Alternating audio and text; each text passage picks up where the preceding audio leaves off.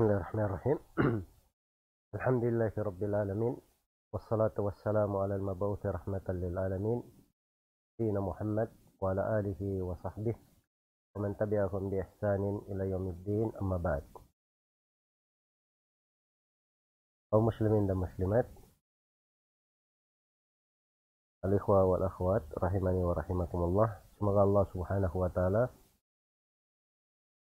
menganugerahkan untuk kita semua ilmu yang bermanfaat dan menjadikan apa yang kita dengarkan sebagai hal yang membawa kebaikan, keberkahan dan rahmat untuk kita semua di dunia dan di akhirat.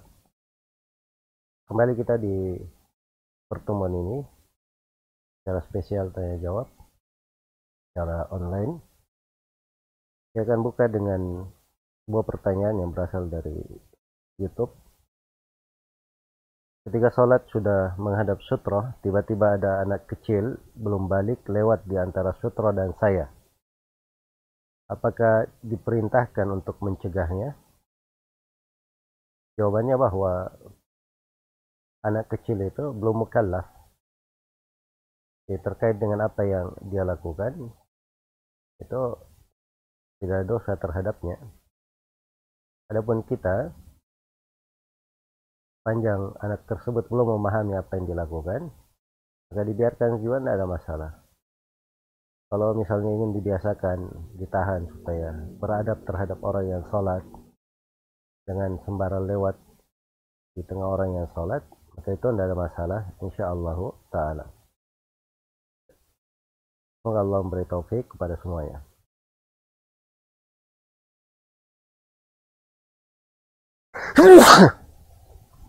Alhamdulillah.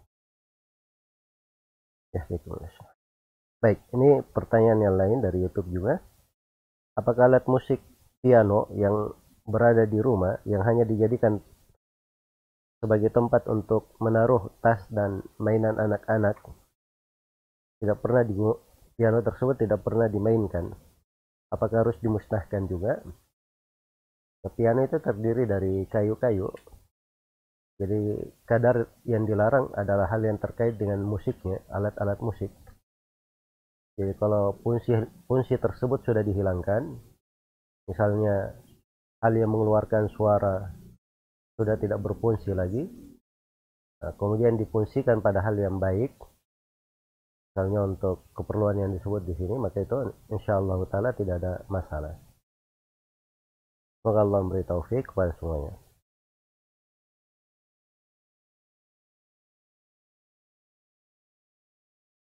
Jika meyakini cadar itu wajib tapi belum bisa memakainya saat bersama keluarga besar karena masih awam soal cadar, apakah itu berdosa?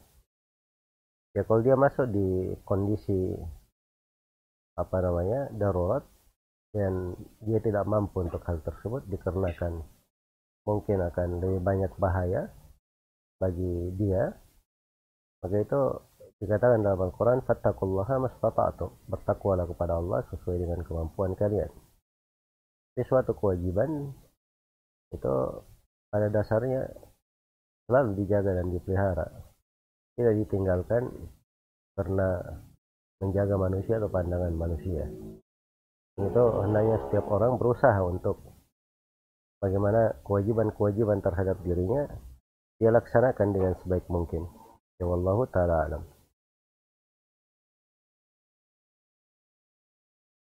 apa hukumnya lomba debat di kalangan mahasiswa baik debat seputar Islam atau isu-isu lainnya lomba dalam forum dan ada mekanismenya biasanya antar universitas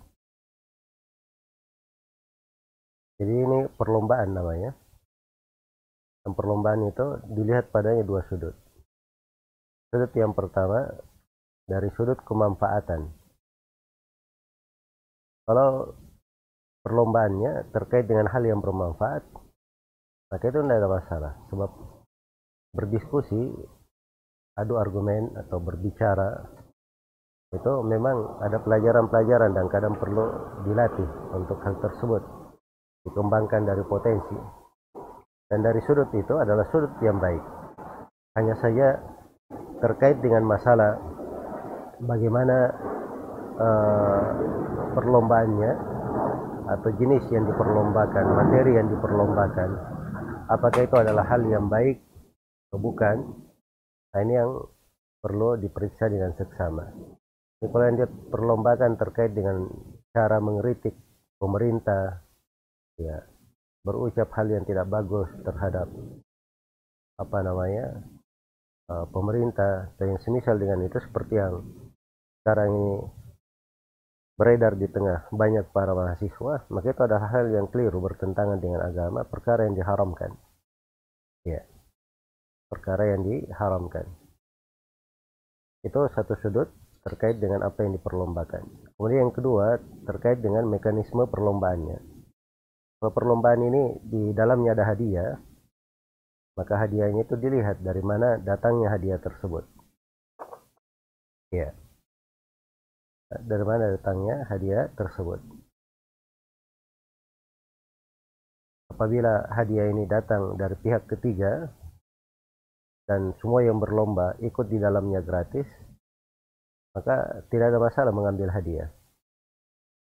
Tetapi kalau misalnya di perlombaan ini ada biaya pendaftaran, atau ada biaya untuk ikut perlombaan, maka itu dilihat pada jenis materi perlombaan yang saya singgung tadi. Kalau materinya terkait dengan maslahat agama, perkara yang diperlukan oleh umat Islam, maka membayar pun tidak ada masalah. Dan mengambil hadiah di dalam hal itu tidak ada masalah. Ya.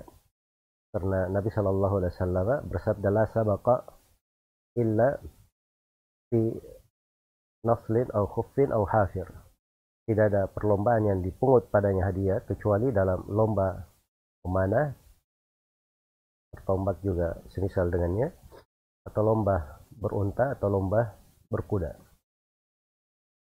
Dan perlombaan-perlombaan ini kata para ulama diizinkan mengambil hadiah apakah itu dari salah seorang hadiahnya berasal dari salah seorang dari yang ikut lomba atau berasal dari semuanya atau berasal dari pihak ketiga boleh mengambil hadiah perlombaan di belakang hal tersebut karena kemaslahatan Islam. Maka apa yang semisal dengannya dari lomba hafal Quran, lomba menghafal hadis atau lomba dalam diskusi pembahasan-pembahasan fikih, pembahasan-pembahasan ilmu yang bermanfaat, itu tidak ada masalah insya Allah taala. Tapi kalau jenis yang diperlombakan ya terkait dengan pembahasan-pembahasan dunia atau hal-hal yang uh, tidak sampai kepada itu tadi, maka hanya boleh mengambil hadiah jika hadiah berasal dari pihak ketiga. Adapun kalau berasal dari salah satu dari orang yang ikut perlombaan atau dari keduanya, maka itu adalah hal yang diharamkan, tidak diperbolehkan. Ya wallahu taala alam.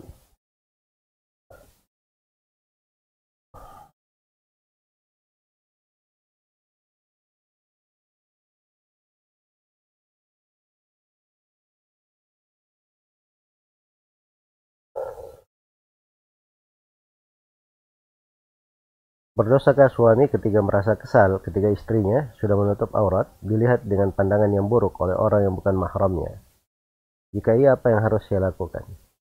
Nah, itu wajar ya pada seorang suami. Kecemburuan terhadap keluarganya itu wajar. Dan itu namanya gira. Itu adalah hal yang dipuji. Hal yang dipuji. Iya. Kalau dia menegur untuk hal tersebut, menasihati, maka itu tidak ada masalah tapi kalau terkait dengan merubah dengan tangan, nah ini tidak diperbolehkan kecuali dengan tangan pemerintah. Sebab hal-hal yang terkait dengan tangan itu, itu bukan wewenang orang per orang. Semoga Allah subhanahu wa ta'ala memberi taufik kepada semuanya.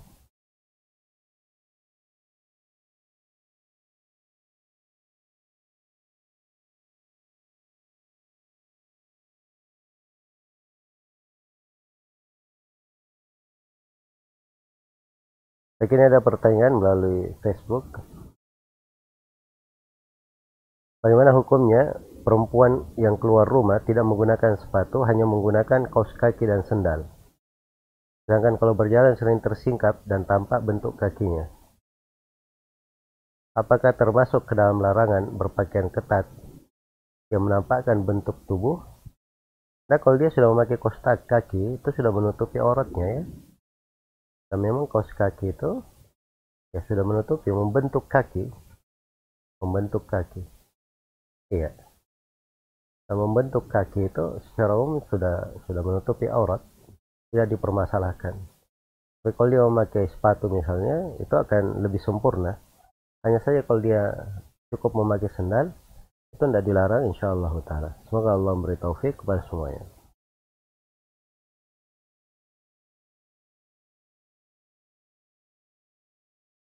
baik ini juga pertanyaan dari Facebook. Apa ada amalan-amalan atau syarat untuk mendapatkan penghapusan dosa di antara dua Jumat?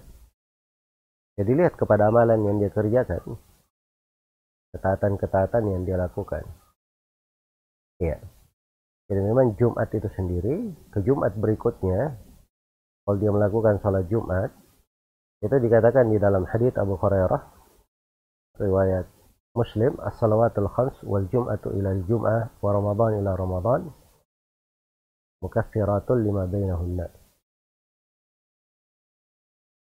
waktu di antara salat lima waktu ke salat lima waktu berikutnya. Jumat ke Jumat berikutnya dari Ramadan ke Ramadan berikutnya itu penggugur dosa-dosa antara keduanya. Ya. Dan diterangkan di sebagian riwayat, majitun dibatil kabair sepanjang dosa-dosa besar ditinggalkan. Dan yang digugurkan adalah dosa-dosa kecil, menghapuskan dari dosa-dosa kecil. Adapun dosa-dosa besar itu perlu tobat khusus pada dosa-dosa besar. Iya. Jadi ini keutamaan sholat lima waktu, sholat Jumat. Seorang kalau melakukannya, maka itu menjadi penggugur antara dua Jumat. Penggugur antara dua sholat. Bisa dilakukan amalan tersebut, Jumatnya bagaimana dia lakukan dengan hal yang paling sempurnanya, yang paling ikhlasnya, yang paling mencocoki sunnah Rasulullah Sallallahu Alaihi Wasallam. Ya, Semoga Allah memberi taufik kepada semuanya.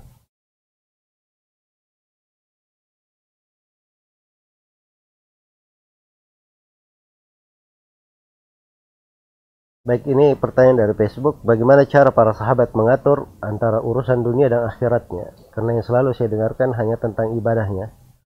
Lalu kapan mereka mengurus hal dunia, seperti perdagangannya? Karena mereka orang-orang yang senantiasa taat, namun usahanya di dunia pun tetap sukses. Ya, para sahabat itu kebanyakan kondisi perekonomian mereka, kondisi perekonomian mereka, bukan orang yang dikatakan banyak memiliki dari dunia. Iya. Karena itu dimaklumi dari berbagai kisah para sahabat berupa kemiskinan, tidak memiliki kemampuan, banyak kekurangan. Iya. Nah, hal tersebut muncul kadang karena mereka tidak begitu mengejar dunia dan kadang mereka juga ada dari usaha usahanya bagus tetapi bukan hal yang mereka perhitungkan di dalam kehidupan dunia. Iya. Karena itu kehidupan akhirat itu lebih mendominasi terhadap mereka. Lebih mendominasi terhadap mereka. Adapun urusan dunia, sepanjang seorang itu membenahi kehidupan akhiratnya, dia bagus di dalam hal tersebut, Allah tidak akan melantarkan untuknya kehidupan dunianya. Ya, karena itu tidak perlu terlalu banyak dipikirkan akan hal tersebut. Namun tidak bertentangan seorang itu bekerja dengan baik secara profesional, ya dengan perhitungan-perhitungan yang matang. Hanya saja selalu kehidupan akhirat itu lebih bercahaya di dalam hatinya daripada kehidupan dunia. Semoga Allah memberi taufik kepada semuanya. Baik ini pertanyaan dari YouTube. Bagaimana bertobat dan membersihkan diri dari harta hasil haram? Misalnya berjualan namun di waktu haram atau riba atau hasil curian. Ya harta itu pengharamannya ada beberapa jenis. Ada yang diharamkan karena datnya,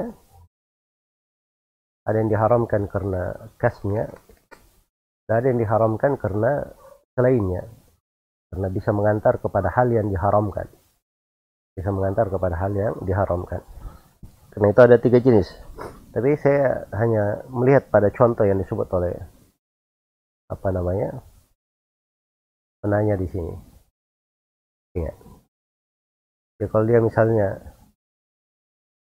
berjualan di waktu haram berjualan di waktu haram itu apabila dia berjualan di setelah adan kedua dari sholat Jumat itu waktu haram berjualan ini hukum jualannya syah dari sudut akadnya tetapi dia melakukan perbuatan haram karena larangannya itu bukan kembali kepada dat jual belinya larangannya itu karena bisa melalaikan dari sholat Jumat Demikian pula berjualan senjata di masa sedang terjadi fitnah. Ya. Nah, ini kalau terjadi akad jual beli, akadnya syah, hanya saja dia melakukan hal yang diharamkan. Karena bisa mengantar kepada hal yang dilarang. Pada hal yang dilarang. Jadi dari sudut hartanya, harta milik dia. Adapun riba, riba ini adalah harta yang haram disebabkan jenis dia mendapatkannya.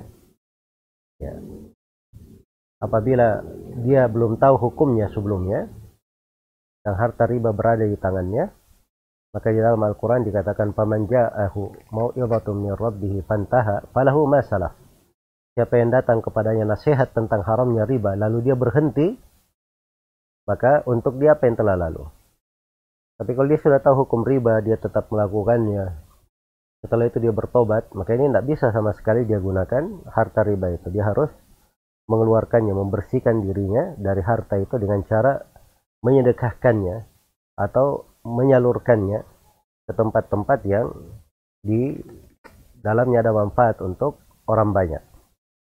Ya, adapun hasil curian, hasil curian itu tidak bisa menjadi miliknya sama sekali. Karena itu adalah milik orang lain. Maka hasil curian itu harus dia kembalikan kepada pemiliknya. Harus dia kembalikan kepada pemiliknya. Begitu cara bertobatnya. Kalau misalnya ada hasil curian yang berada di sisinya, dia tidak tahu siapa pemiliknya, maka hasil curian itu dia sedekahkan ya dengan niat untuk pemiliknya. Adapun dia tidak boleh sama sekali dia memiliki dari harta tersebut. Ya wallahu taala alam. Baik ini pertanyaan dari YouTube juga. Jika beli emas kan harus tunai, harus bayar tunai. Bagaimana jika kita tarik uang tunai di bank, lalu setor ke rekening penjual saat itu juga tidak ada penundaan bayar, tambaran langsung diambil. Apakah ini termasuk tunai? Yang qabat itu ada dua jenis. Ya, ada dua jenis. Ada al-qabat hakiki, ya memegangnya secara langsung, itu hakiki, langsung dia ambil tunai Dadal qabat al-hukmi, dia juga tunai secara hukum namanya. Ya. Ya kalau misalnya dia sudah transaksi emas berada dalam satu majelis dua orang, ada emas di situ, pembayarannya dengan transfer, langsung setelah itu diambil emasnya, maka ini hukumnya sama dengan tunai. Hukumnya sama dengan tunai, tidak ada masalah. Tapi kalau di, keduanya tidak dalam satu majelis, ya emasnya dikirim dulu baru setelah itu ditransfer. Ya oke ini transaksi tidak tunai namanya. Ya dan ini bisa masuk ke dalam riba nasiah. Dan itu adalah hal yang dilarang. Semoga Allah memberi taufik kepada semuanya. Baik masih dari YouTube apa hukum mengubah posisi genggaman tangan ketika sedekap dalam sholat. Dan kadang menggenggam kadang meletakkan. Apakah itu boleh? Yang meletakkan tangan kanan di atas tangan kiri pada saat sholat itu hukumnya sunnah. Hukumnya sunnah. Andai kata dia tidak letakkan pun sholatnya syah. Karena itu hukumnya sunnah. Kalau dia ada keperluan misalnya dia sudah meletakkan tangan kanannya di atas tangan kirinya di dalam sholat terus misalnya tiba-tiba uh, ada keperluan HP-nya berbunyi misalnya dia ingin matikan dia turunkan tangannya untuk mematikan HP ya maka itu nggak ada masalah gerakan sedikit tidak dipermasalahkan. Lalu dia balikkan lagi maka itu tidak ada masalah insyaallah taala. Baik. Baik ini pertanyaan dari Facebook. Ketika sholat witir satu rakaat duduk tahiyat akhirnya iftirash atau tawarruk. Kaidahnya iftirash itu itu terkait dengan sholat yang cuma memiliki satu tasyahud. Sedang tawarruk adalah sholat yang memiliki dua tasyahud. Dan dia di tasyahud terakhir. Ya. Ini walaupun satu rakaat tasyahudnya cuma sekali saja. Maka duduknya adalah duduk iftirash. Seperti duduk kalau dia sholat dua rakaat. Ya Allah taala alam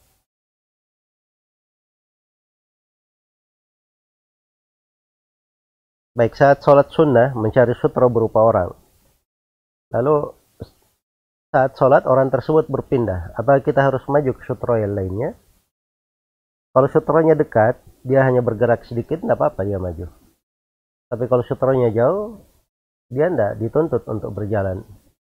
Ya dia tetap saja di tempatnya. Karena kalau dia berjalan jauh itu bukan lagi orang yang sholat namanya orang yang berjalan. Orang yang berjalan ya gerakan sedikit saja yang diperbolehkan. Semoga Allah memberi taufik kepada semuanya. Baik ini kembali ke YouTube. Bagaimana cara minum yang benar? Sekali minum tiga kali teguk lalu diberi jeda atau sekali minum boleh hingga haus hilang tanpa iya. Sunnahnya diterangkan di dalam sahih muslim. Orang itu apabila dia minum dia bernapas tiga kali bernapas tiga kali itu artinya dia minum dia minum uh, diambil air kemudian dia minum terus dia jauh bejana atau gelas dari tangan dari mulutnya kemudian dia bernapas setelah itu dia minum lagi yang kedua kalinya. Setelah itu dia jauhkan, dia bernapas lagi. Kemudian dia minum untuk ketiga kalinya. Ya. Nah, ini yang paling baiknya karena kata Nabi itu ahna wa arwa. Itu lebih nikmat dalam minum dan lebih memuaskan untuk orang yang minum. Ya. Adapun kalau dia minum sekaligus satu kali teguk, itu boleh saja, tidak ada masalah. Yang dilarang itu kalau dia bernapas di dalam bejana itu yang dilarang ada tegas larangannya di dalam hadis Rasulullah Shallallahu Alaihi Wasallam semoga Allah memberi taufik kepada semuanya baik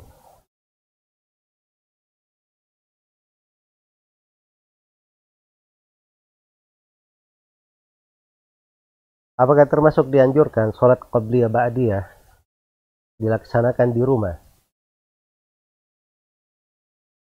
Secara umum hadits Abu Hurairah di riwayat Muslim Rasulullah sallallahu alaihi wasallam bersabda afdalus salati fil bait illa al maktubah. Salat yang paling afdal adalah di rumah kecuali salat wajib. Kecuali salat wajib. Jadi kalau dia melakukan qabliyah ba'diyah, qabliyah dan ba'diyahnya dilakukan di rumah, maka itu adalah hal yang baik. Adalah hal yang baik. Hanya saja kadang sebagian orang dia memelihara dari salatnya di masjid bukan karena masalah masjid atau rumahnya, tapi karena khawatir ketinggalan sholat berjamaah. Maka dia lakukan hal itu di masjid agar supaya berjaga-jaga jangan sampai dia ketinggalan takbiratul ihram di sholat berjamaah awal sholat. Iya. Jadi uh, sholat qobliyah di rumah itu sunnah, tetapi mendapati imam takbiratul ihram itu lebih disunnahkan lagi lebih disunnahkan dan lebih dianjurkan.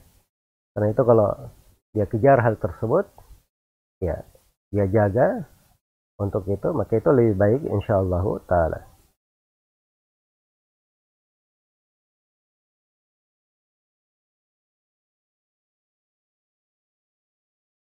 Tolong nasihatnya untuk suami saya yang bermudah-mudahan dalam bermain media sosial. Karena di dalam media sosial tersebut banyak foto perempuan yang tidak pakai kerudung auratnya bahkan terkadang mengomentari status tersebut.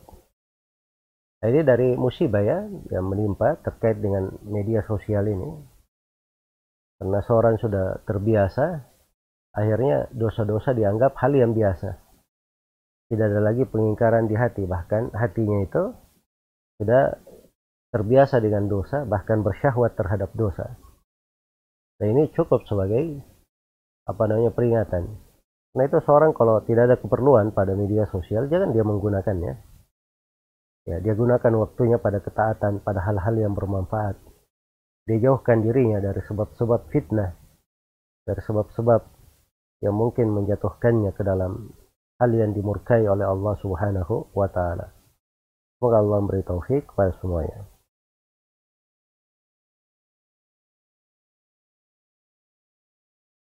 Adakah dalil yang menyebutkan larangan menggulung pakaian atau melipat? Ya, ketika sholat. Bagaimana derajat haditnya? Ada haditnya. Hadit Ibnu Abbas riwayat Bukhari dan Muslim. Ya. Wala akuffu sya'ran wala thawban.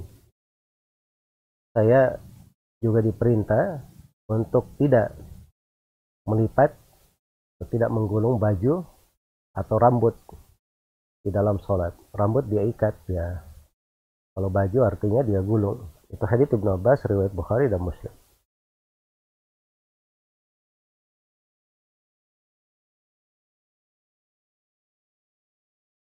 Bagaimana hukum membeli mobil di balai lelang?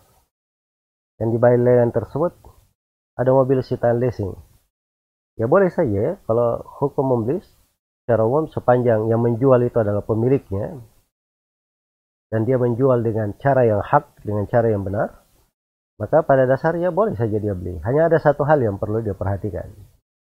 Iya. Yang perlu dia perhatikan. Yaitu terkait dengan masalah riba si pemilik. Jadi kalau dia sitaan, itu harus dijual dengan riba si pemilik. Jadi kalau pemiliknya tidak riba, maka itu harus ada penegasan dari pengadilan yang membolehkan memaksa dia. Makanya tadi saya bilang, panjang hal itu dijual dengan hak. Jadi kalau dia dipaksa, itu sudah dijual dengan hak namanya. Karena yang memaksa pengadilan, walaupun dia tidak riba, hukum jual belinya tetap syah. Nah, ada hal yang kedua yang perlu diperhatikan terkait dengan harga barang tersebut. Hendaknya dia membeli barang itu bukan di dalam kondisi memanfaatkan hajat saudaranya. Memanfaatkan hajat saudaranya. Jadi asal barangnya misalnya 5 juta, tapi karena dia tidak punya apa-apa, ya, atau kadang sebagian pemodal ini, pihak pembiaya ini berlaku zalim, utang orang tersebut 2 juta tidak dibayar, dia hanya mencari bagaimana duitnya kembali. Maka barang orang yang harusnya 5 juta dijual, dia jual 2 juta saja. Yang penting barang dia kembali. Ini perlakuan zalim namanya. Tidak diperbolehkan. Dan kita tidak boleh memanfaatkan hajat saudara kita di dalam hal tersebut. Iya. Dan seorang muslim itu sebagaimana yang dikatakan oleh Rasulullah wasallam dalam hadis Jabir riwayat Al-Bukhari, rahimallahu mrahan rahimallahu mra'an samhan idza ba'a wa samhan idza ishtara wa samhan idza iqtada. Allah merahmati seorang hamba dia dermawan ketika membeli, dermawan ketika menjual dan dermawan ketika menunaikan hutangnya. Semoga Allah memberi taufik kepada semuanya.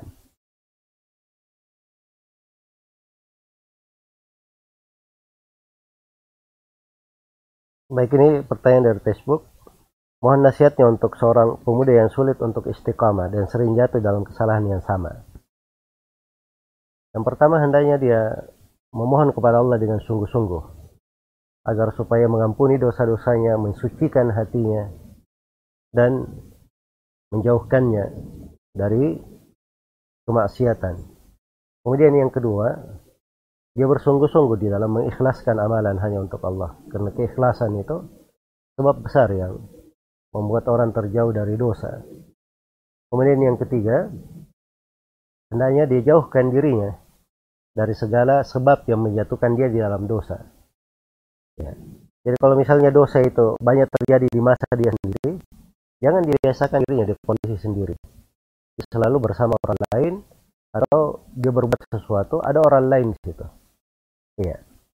Maka dia harus jauhkan dirinya dari sebab-sebab yang bisa menjatuhkan ke dalam dosa. Kemudian yang keempat, dia bergaul dengan orang-orang yang salih, orang-orang yang baik agar supaya terpengaruh dengan kebaikan-kebaikan. Semoga Allah memberi taufik kepada semuanya. Apakah mengusap di atas khuf atau kaki hanya berlaku bagi musafir? Jawabnya tidak, berlaku untuk mukim dan musafir hanya bedanya kalau musafir itu diizinkan mengusap selama tiga hari tiga malam ya kalau mukib diizinkan sehari dan semalam saja. Itu sudah perbedaannya. Tapi syariat berlaku untuk semuanya.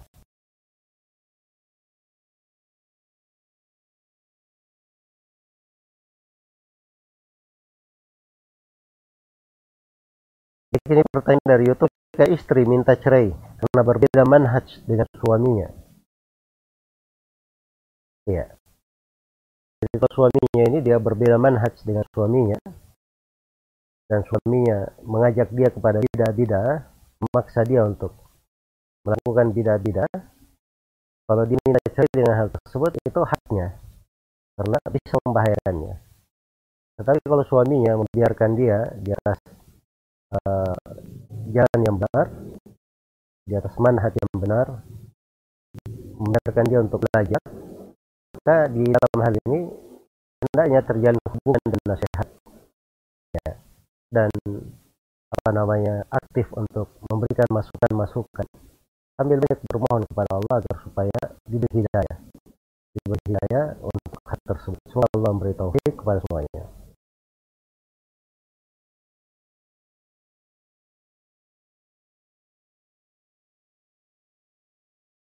Apa hukumnya sholat di belakang imam yang merubah lafaz bacaan Al-Quran? Apa sholat tetap syah? Ya, kalau surat baca surat fatihahnya sudah syah, maka sholatnya sudah syah. Karena itu surat setelahnya itu tidak terkait dengan keabsahan sholat. Ya. ya. kalau dia baca surah misalnya, dia keliru dalam menyebut lafaz huruf ya, dengan lahan yang jadi, nah itu tidak membahayakan sholat sepanjang seperti benar. Tapi kalau lah jalinya kekeliruan bacaannya itu di surah Al-Fatihah sehingga kurang huruf di surah Al-Fatihah terubah huruf maka dia tidak syah sholatnya. Karena surah Al-Fatihah adalah rukun sholat. Dan kalau tidak syah sholatnya tidak syah sholat semoga Allah memberi taufik kepada semuanya.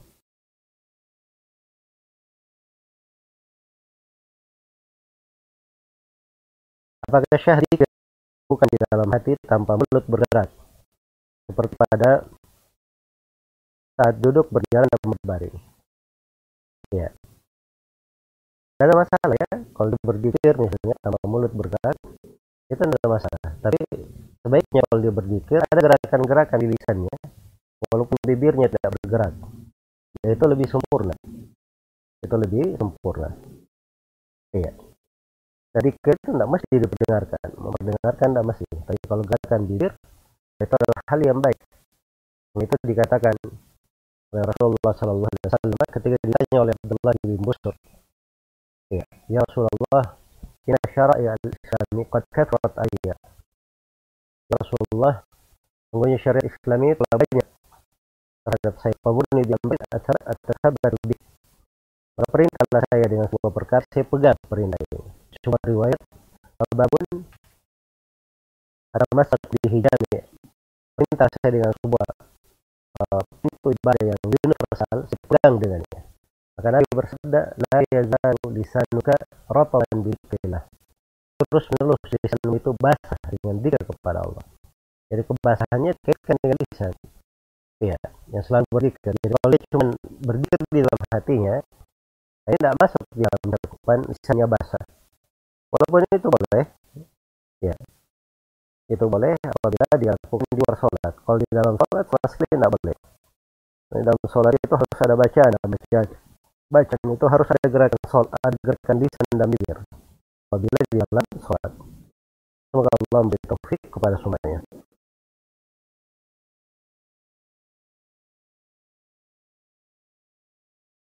Bagaimana sikap kita kepada ibu yang bersikeras melarang anak perempuan yang memakai syar? Apa tetap diikuti? Orang tua itu selalu menginginkan kebaikan untuk anaknya.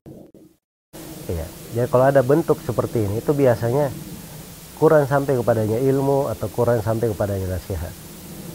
Karena itu nasihati dengan cara yang baik.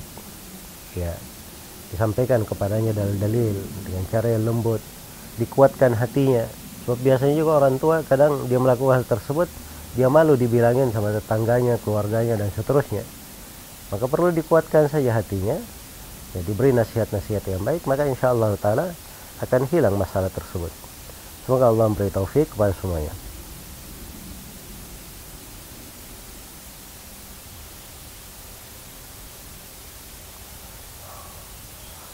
apa boleh terlibat dalam pengurusan masjid yang masing-masing pengurus beda manhaj?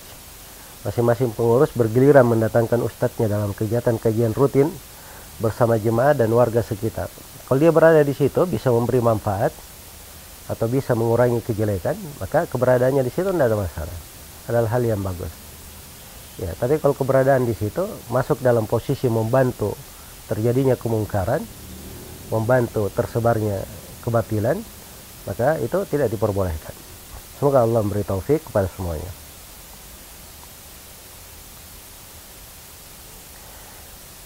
Kalau pernikahan tanpa cinta maksudnya karena terpaksa dan tidak ikhlas apakah pernikahannya syah?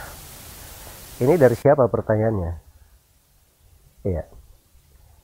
Kalau ini berasal dari seorang perempuan seorang perempuan itu kadang di dalam pernikahan itu dibolehkan apabila orang tuanya sudah menyetujui dan dilihat maslahat untuk si anak seperti itu. Karena anak perempuan kadang dia memandang dirinya tidak cocok atau ini dan pandangannya itu sempit, akalnya tidak sampai ke sana. Ya karena itu ada ketentuan wali terhadap perempuan untuk menikah, salah satu sebabnya untuk hal itu.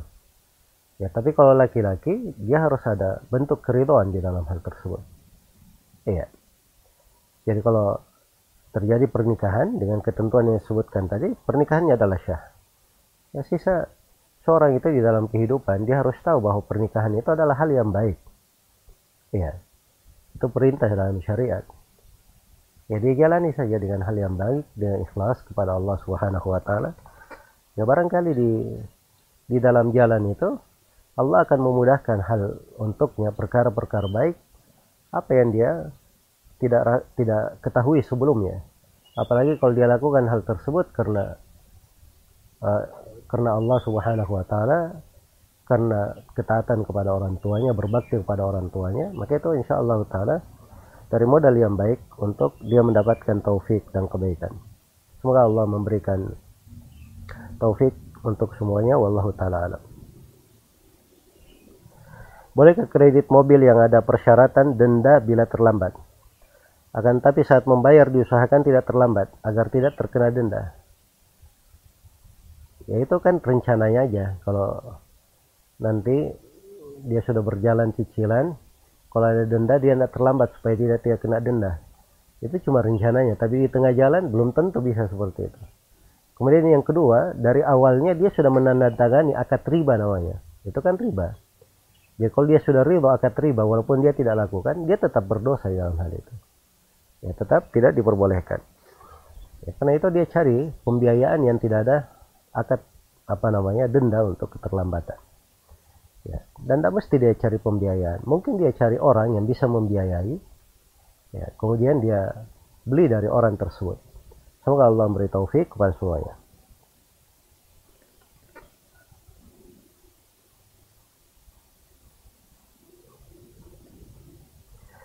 Bagaimana cara menghilangkan was-was seperti batal dari tahara yang terkadang memang ada yang keluar namun terkadang tidak ada yang keluar. Ini was-was bahaya ya kalau diikuti. Kalau dia selalu ikut di posisi was-was, dia akan selalu diganggu oleh syaitan dan membuat kehidupannya menjadi kehidupan yang tidak indah.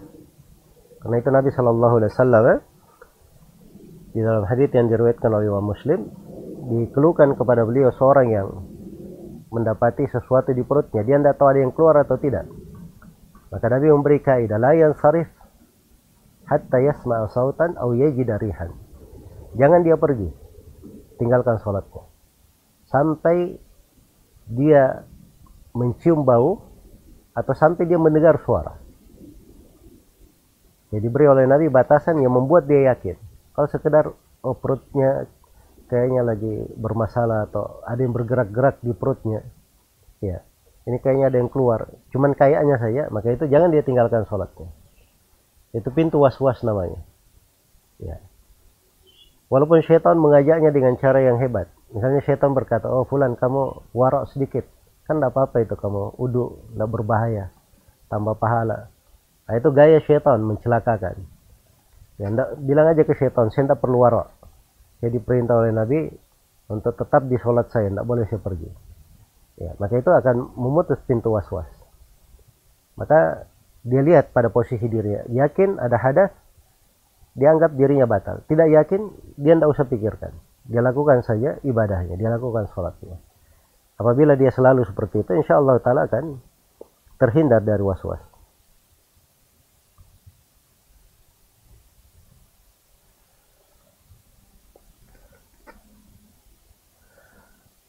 Baik, bagaimana cara bertobat dari riba dan bagaimana sisa-sisa riba tersebut? Cara bertobat dari riba, kalau harta riba ini dia dapatkan sebelum dia tahu hukum riba, sebelum dia tahu hukum riba, maka harta itu sudah menjadi milik dia, tetap bersamanya. Seorang sudah beli rumah dari hasil riba, dia ada duit simpanan dari hasil riba, tabungan dari hasil riba, setelah itu dia tahu hukumnya, maka seluruh harta itu menjadi milik dia. Menjadi milik dia. Berdasarkan ayat, "Faman ja'ahu mau'izatun min rabbih fantaha falahu ma salah wa amruhu ila Allah." Barang siapa yang datang kepadanya nasihat dari Rabbnya, maka untuk dia datang kepadanya nasihat lalu dia berhenti, maka untuk dia apa yang telah lalu. Jadi apa yang telah lalu itu dikatakan milik dia dan perkara dia kembali kepada Allah. Tetapi kalau dia misalnya sudah tahu hukum riba, terus dia tetap berdosa melakukan riba. Ya. Maka ini harta itu yang ada di sisinya, misalnya dia sudah tahu hukum riba haram. Ya. Dia tetap bermuamalah riba, dia beli rumah, dia beli kendaraan. Maka rumah dan kendaraan ini tidak halal baginya. Ya dia harus melepaskannya. Harus melepaskannya. Ya. Berbersih darinya berbersih darinya sebagai tobat dari riba tersebut. Adapun kalau dia sudah meninggalkan riba, kemudian masih ada sisa-sisa riba di tangan orang, maka tidak boleh diambil riba tersebut. Yang diambil pokok hartanya saja. Kalau dia punya pokok harta, pokok harta itu yang diambil. Adapun ribanya tidak boleh diambil. Semoga Allah memberi taufik kepada semuanya.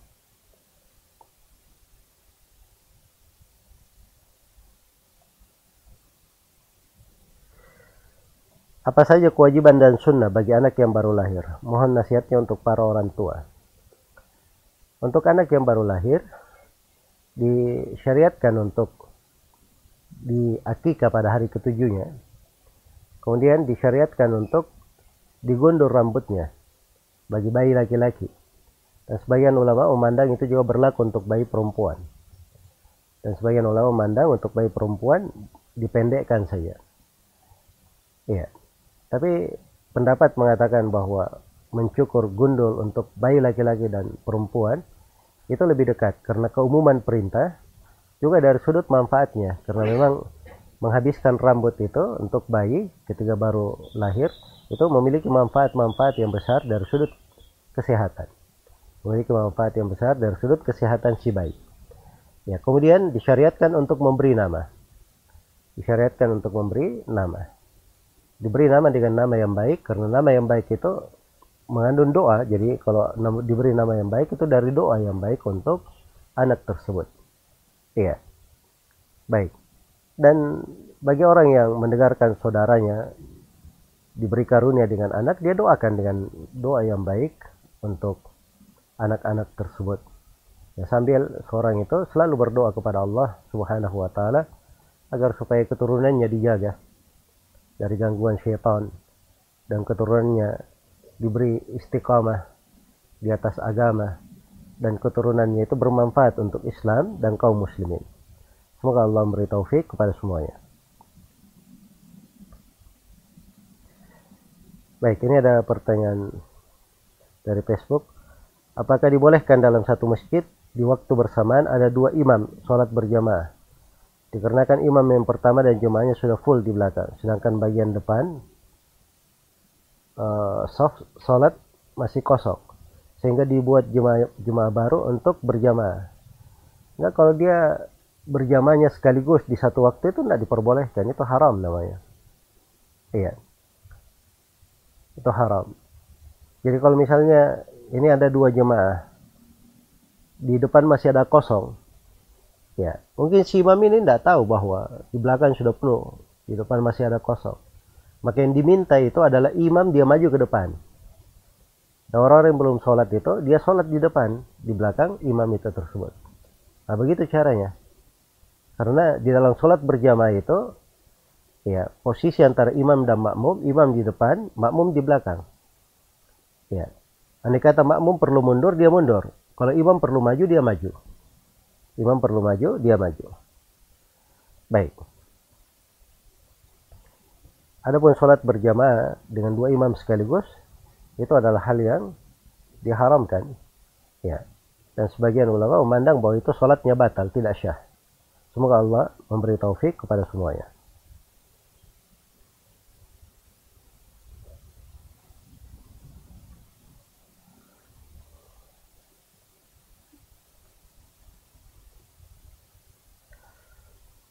Mohon penjelasannya terkait dengan hadis yang menjelaskan bahwa siksa kubur bagi siapa yang tidak bersuci ketika beristinja. Ini hadits Ibnu Abbas ya, riwayat Bukhari dan Muslim. Ketika Nabi Shallallahu Alaihi Wasallam melalui dua kubur, lalu Nabi berkata, Innahuma la yu'addabani. Sungguhnya keduanya ini sedang disiksa. Wa ma yu'addabani likabir. Dan tidaklah keduanya disiksa karena perkara yang besar. Ya.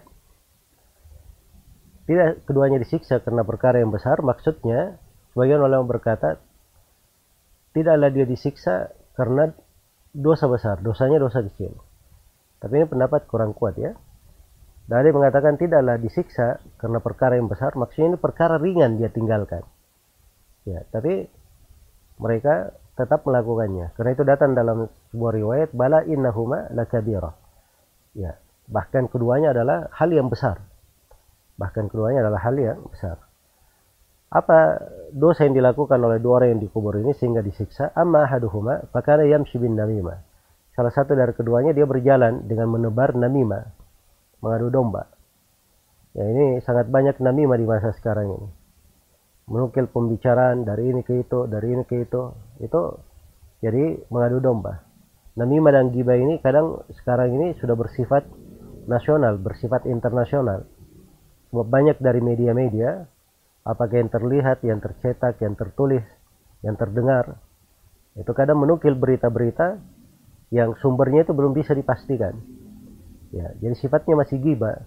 Dan kadang beritanya benar, tapi didokil kepada pihak yang lain untuk membuat perpecahan. Itu namanya namima. Ini semuanya dari dosa-dosa besar. Ini salah satu sebab mereka disiksa di alam kubur. Adapun yang kedua, fakana la yastanji minal baul. Yang kedua dia tidak bersuci. Ketika dia kencing. Dia tidak istinja. Ya tidak istinja itu maksudnya di situ ketika dia selesai bersuci dia tidak bersihkan najis. Apakah dari tempat keluarnya atau najis yang kalau misalnya uh, dia buang hajat ada najis yang terpercik ke badan atau kainnya tidak dia bersihkan. Iya ini penegasannya bahwa seorang muslim itu dianjurkan untuk menjaga kebersihannya menjaga kesuciannya ya wallahu taala alam Baik. Ini ada pertanyaan dari Facebook, apakah ada bacaan saat menggali kubur? Dan, dan apakah ada bacaan saat memandikan jenazah? Tidak ada bacaan khusus ya untuk hal itu. Ya, cuman seorang kalau bekerja akan sesuatu, dia mulai dengan membaca bismillah. Nah, itu adalah hal yang baik, membawa keberkahan untuk dia. Tapi tidak ada bacaan khusus orang untuk membalik kubur, bacaan khusus untuk orang yang apa namanya memandikan jenazah. Semoga Allah memberi taufik kepada semuanya.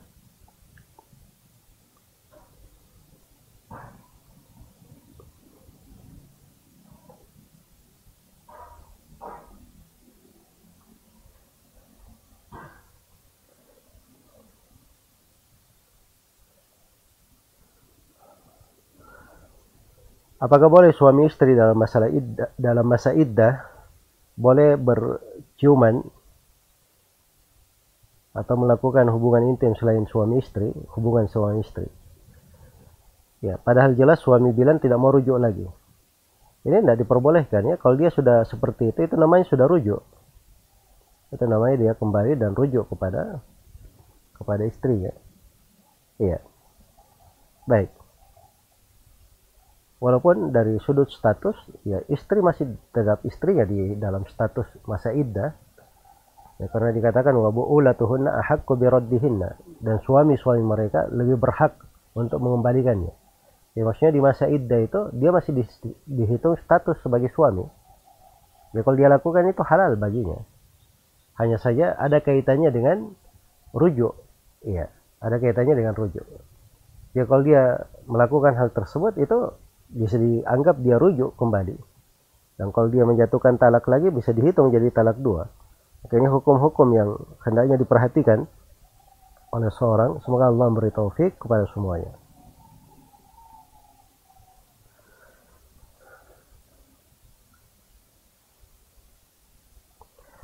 Baik ini mungkin pertanyaan terakhir untuk pertemuan kita di kali ini.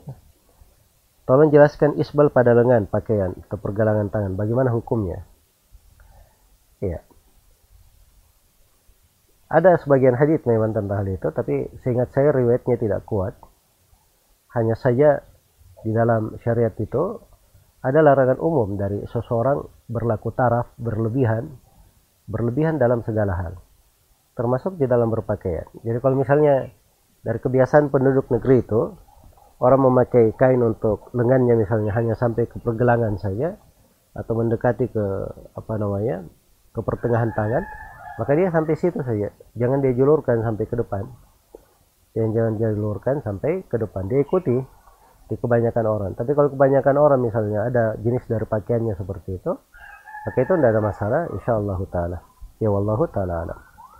Baik ini mungkin yang bisa dikaji untuk pertemuan di pagi hari ini. Dan saya berterima kasih kepada seluruh kawan-kawan yang menjadi sebab terselenggaranya acara ini. Dan kepada seluruh uh, kawan-kawan dari kaum muslimin dan muslimat yang mengikuti acara ini semoga Allah Subhanahu wa taala memberi taufik untuk semuanya dan menjaga kita di atas ketaatan, menjauhkan kita semua dari segala dosa dan maksiat, menjauhkan kita dari segala hal yang dibenci oleh Allah Subhanahu wa taala. Innahu waliyyu wal qadiru alaihi wallahu taala alam. Subhanakallahumma wa bihamdik asyhadu an la ilaha illa anta astaghfiruka wa atubu ilaik walhamdulillahi rabbil alamin. Wassalamualaikum warahmatullahi wabarakatuh.